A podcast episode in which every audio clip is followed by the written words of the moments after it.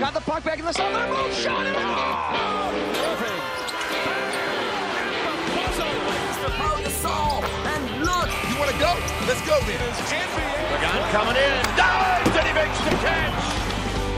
Locker Room, amb Ruth Vilar.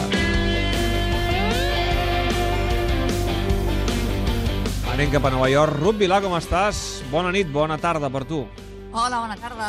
Què tal? Escolta, suposo que vas anar al Staples Center, no?, a Los Angeles a veure el comiat de Kobe Bryant. Mira, a mi sempre que em pregunten quin superpoder m'agradaria tenir, dic que teletransportar-me. Em fa molta gràcia Però no perquè vaig, encara no el tinc. els periodistes que viu als Estats Units, eh, moltes vegades allò eh, cometem l'error de dir no, home, no, sí, la Ruth segur que hi va anar, però és que als Estats Units és tan gran, vius tan lluny Sí. de Los Angeles... Crec que visc més a prop de Barcelona que de Los Pues, Angeles. no, home, doncs ho hauríem de mirar perquè potser gairebé, gairebé, gairebé. Sí, em sembla que són 6 hores llargues d'avió i, No. i a Barcelona Si la set, no, tornada, potser? o sigui, de Nova York a Barcelona són 7 i, i una Doncs mica si més. no fa, o sigui, que si fa no fa. Jo crec que avui al Locker Room és evident, l'havien de dedicar tant sí com no a, a Kobe Bryant. Quin Mhm. comiat després de 20 anys d'una carrera extraordinària 60 punts en la victòria dels Lakers contra Utah. Com s'ha viscut a, a, a, a aquest últim partit del Kobe als Estats Units i sobretot aquesta barbaritat, aquests 60 punts en el seu últim partit? Mm, S'ha viscut amb emoció, amb grandesa. Hem de recordar que Kobe ha estat un símbol de l'NBA durant molts, molts anys, que ha guanyat 5 anells amb els Lakers, dos MVPs, que ha estat 18 vegades a l'All-Star i que ha batut moltíssims rècords. L'Staples Center era planíssim per dir adeu a Kobe Bryant. Alguns es preguntaven si aquests 60 punts era perquè tots els companys el buscaven amb ell que sí i que a més a més el, el rival s'hi va, posar, s'hi va posar bé també i, i evidentment Kobe el van veure emocionat que cada vegada es costa perquè sembla un tio així distant i fred abans, durant i també després de, del partit. Nois, uh, sempre estareu al meu cor i, sincerament, molt sincerament, us aprecio. No hi ha paraules per descriure el que sento per vosaltres, nois. I gràcies, gràcies de tot cor. Us estimo, nois. I love you guys. Us estimo, nois, a la meva família, a la meva dona, a les hores de gimnàs treballant i entrenant. I, Vanessa, tu has sostingut aquesta família de la millor manera. No hi ha cap manera possible de donar les gràcies per tot això. Tot i així, de tot cor, gràcies. I, què més puc dir? La mamba es retira. La Mamba es retira. I, evidentment, aquests dies hem, hem vist missatges de reconeixement a Kobe Bryant d'esportistes, de celebrities, de, de fans... Sí, sí, moltíssima gent s'ha sumat a aquest anomenat Mamba Day, ara deia la Mamba retira, Kobe, que és com, com se'l coneix i com li agrada que, que l'anomenin.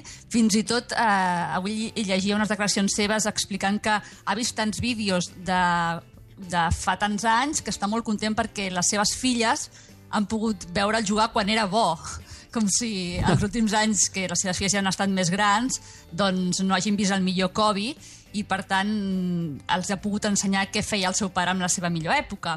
I, i aquest, aquest dia va ser una bogeria de, vam veure missatges del Barça de desenes de jugadors de l'NBA, de les germanes Williams, de Nadal eh, i molts el que no sabran és que la idea de crear aquest eh, Mamba Day, el dia de Kobe Bryant ha sortit del cap d'un català. D'un català? Sí, d'un creatiu de Vic que viu a Nova York i que és el responsable de dissenyar experiències digitals d'una de les grans empreses de publicitat d'aquí dels Estats Units i en concret des d'aquesta empresa ell treballa per Nike i és un català de Vic que es diu Xavier Gallego. És a dir, el Xavier Gallego, aquest català de Vic, ha, ha Mm. creat uh, tota aquesta campanya de màrqueting, eh, aquest Mamba Mhm. Day, uh, al voltant Sí. de, de la figura de Kobe uh, Bryant. Uh, que Sí. el títol de la campanya um, uh, era uh, Amor-Odi, eh? és a dir, que Sí. a través de les xarxes socials també podies compartir el teu odi per Kobe Bryant. Em sembla És- bastant original. És molt curiós, però és que cal recordar que aquí als Estats Units, fins fa dos anys, o que ja es començava a veure que el Covid retiraria i que ja, ja no tenia el poder que tenia abans, moltíssima gent l'odiava. I fins i tot ESPN va fer un, un documental molt interessant explicant Saps això que es diu a vegades de Messi, que és un petit dictador al vestidor? Doncs Sí. de la dictadura de Kobe Bryant amb companys i amb rivals. És a dir, que realment a, a Kobe aquí se l'estima, però també se l'odia. I li hem preguntat al Xavier Gallego com sorgeix la idea de la campanya del Mamba Day. Vam començar a parlar, va sorgir la idea de que això era més que, que una retirada, que, que estaria molt bé um, doncs que, que quedés marcat el, el calendari d'alguna forma, i quan ja vam començar a parlar del calendari doncs es va, va sorgir molt la idea de, de, de fer el Mamba Day, que és una cosa que en teoria, si tot va bé, serà uh, celebrada cada any. Llavors, a partir d'aquí doncs, vam, vam parlar del love-hate, uh, que és un sentiment que tothom té, d'haver un insight o de, de, de, de la idea de que aquest, do, els dos, dos últims anys en Covid tothom està donant-li les gràcies, anava a qualsevol camp uh, i sempre tothom el venerava, cosa que mai havia passat, tothom l'odiava al passat. Llavors, nosaltres volíem tornar al, al passat, volíem tornar a, a fer recordar a tots els fans que, que havien odiat en Kobe, que en Kobe havia destruït tots els seus somnis, que quan eh, en moments dels playoffs es pensaven que podrien guanyar l'anell, en, en Kobe havia fet el buzzer beater o, o la canasta d'últim segon eh, completament destrossant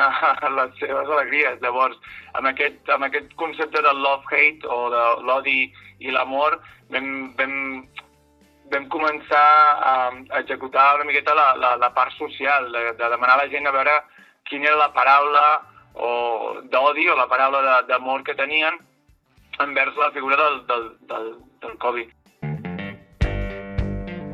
I escolta'm, Ruth, a, a aquest català de Vic, el Xavi Gallego, que ha creat aquesta campanya uh, del Mamba Day, uh, coneix directament, personalment, el Kobe Bryant? Doncs sí, han coincidit perquè fa anys que... Eh, el Xavi crec que fa sis anys que és a, als Estats Units i per tant ha fet moltes campanyes també de les sabatilles de Kobe Bryant i per tant han coincidit perquè des, de, des dels departaments de màrqueting els hi fan entrevistes i els hi pregunten si els hi agrada i, i per, per parlar de conceptes que els hi vagin bé, però clar, el Kobe és una gran figura, una superfigura que sempre està envoltat de molta gent i, no, no és fàcil, però sí que el Xavi em comentava que alguna vegada parlant amb ell li ha notat l'accent, ja ha notat que no és americà, i al preguntar-li d'on era i al Xavi dir-li que era de Barcelona, en l'època sobretot que hi havia el Pau als, als Bulls, doncs li havia fet gràcia i havien estat parlant de Barcelona i de com li agrada Barcelona i del Barça, és a dir, que sí que eh, hi han parlat i havien congeniat bastant en, en aquest sentit. Eh, però el Xevi també m'ha confessat que no està enamorat de Kobe, però sí d'un altre atleta, o, o potser ja no n'està i en va estar d'un altre atleta amb el que també havia treballat. Eh, va fer una campanya per Nike just abans dels Jocs Olímpics de Londres. Va tenir l'oportunitat, Xavier Gallego, de parlar amb molts eh, dels atletes que patrocina Nike i un dels que més el va sorprendre és Òscar Pistorius. Va ser una conversa, no va ser una entrevista. Vaig parlar amb ell uh, d'una forma molt inspiracional. O sigui, el tio té unes històries flipants, increïbles. Em va explicar una uh, que encara recordo, que, que és que quan va anar... Estàvem en en una ciutat d'Àfrica, crec que era Laos, o algun, algun lloc d'aquests del centre d'Àfrica, i, i és una ciutat on, el, on la gent amb, amb minusvalia, que té la, sense, sense cames, amb, amb pròtesis, eh, tenia molta vergonya d'ensenyar les pròtesis. I ell va arribar allà amb, amb les pròtesis a fora i tothom se'n reia o tothom se'l mirava com molt estrany. I, i a ell se li va córrer de- d'anar a, la, a la ràdio del poble i, eh, i retar a tothom, a tot l'equip de futbol del poble, a una carrera en el carrer principal de la, de la ciutat. Total, que ho va fer, va guanyar, òbviament, i a partir d'aquell moment ell va notar, ell va explicar que notava que tothom que tenia pròtesis, que és molta gent, perquè allà hi ha moltes mines antipersones i, i, i problemes que, que nosaltres no tenim, gràcies a Déu, però que s'haurien d'acabar en, aquelles, en aquells països, uh, doncs aquesta gent que havien perdut les cames, doncs estaven no orgullosos, òbviament, però no tenien vergonya i començaven a ensenyar les pròtesis. Llavors, jo quan va explicar això a l'Òscar, per mi va passar a ser d'un desconegut a un déu, uh, fins que va passar el que va passar, que van ser dues setmanes després d'entrevistar-lo no vaig poder utilitzar res del que havia entrevistat perquè per, per tot el merder que es va fotre el tio. Ara continuo amb tu, Ruth, però torno a passar per la piscina del Sorrall. Ha començat el tercer quart del partit final de la Copa Len. El Mataró, que ara mateix té el partit igualat. Maria. Ho acaba de fer en aquest inici de tercer període amb gol de les gregues. Cristina Tsukala posa el 4-4 al marcador. 6 minuts 50 segons perquè finalitzi aquest tercer període. En Ruth, estem parlant d'aquest català eh, que als Estats Units ha creat un munt de campanyes eh, de màrqueting, com aquest Mamba Day dedicat al Kobe Bryant el dia que, Mhm. que es retirava. Um, en què està treballant ara mateix? Doncs ara està desenvolupant l'aplicació de Nike Golf, Mm, que és això? m'explica Sí, o sigui, també, quan veieu l'aplicació Nike Golf, penseu que l'ha desenvolupada un català. I és una aplicació que m'explica que és molt semblant a la de Skate, que també és idea i disseny seu, i que diu que és la millor experiència que ha tingut fins ara treballant amb Nike. el, el disseny de la- de l'aplicació de skateboard i la campanya al voltant de l'aplicació de skateboard, eh, que va ser brutal, va ser... Eh, és la definició més o menys de com sóc jo. O sigui, jo mai he patinat en la meva vida eh, i em vaig posar, vaig començar a patinar eh, per, per entendre millor la- l'audiència amb, la, amb la qual estava treballant i, i vaig tenir la sort de poder entrevistar tots els, els patinadors professionals de, de Nike, com Eric Coston, com el uh, Paul Rodríguez. Uh, vaig patinar amb ells, de fet em van ensenyar a patinar ells, o sigui que més sort que això no es pot tenir. Doncs déu nhi el que fan els catalans pel món. Eh, com el van trobar, per cert, el Xavi Gallego?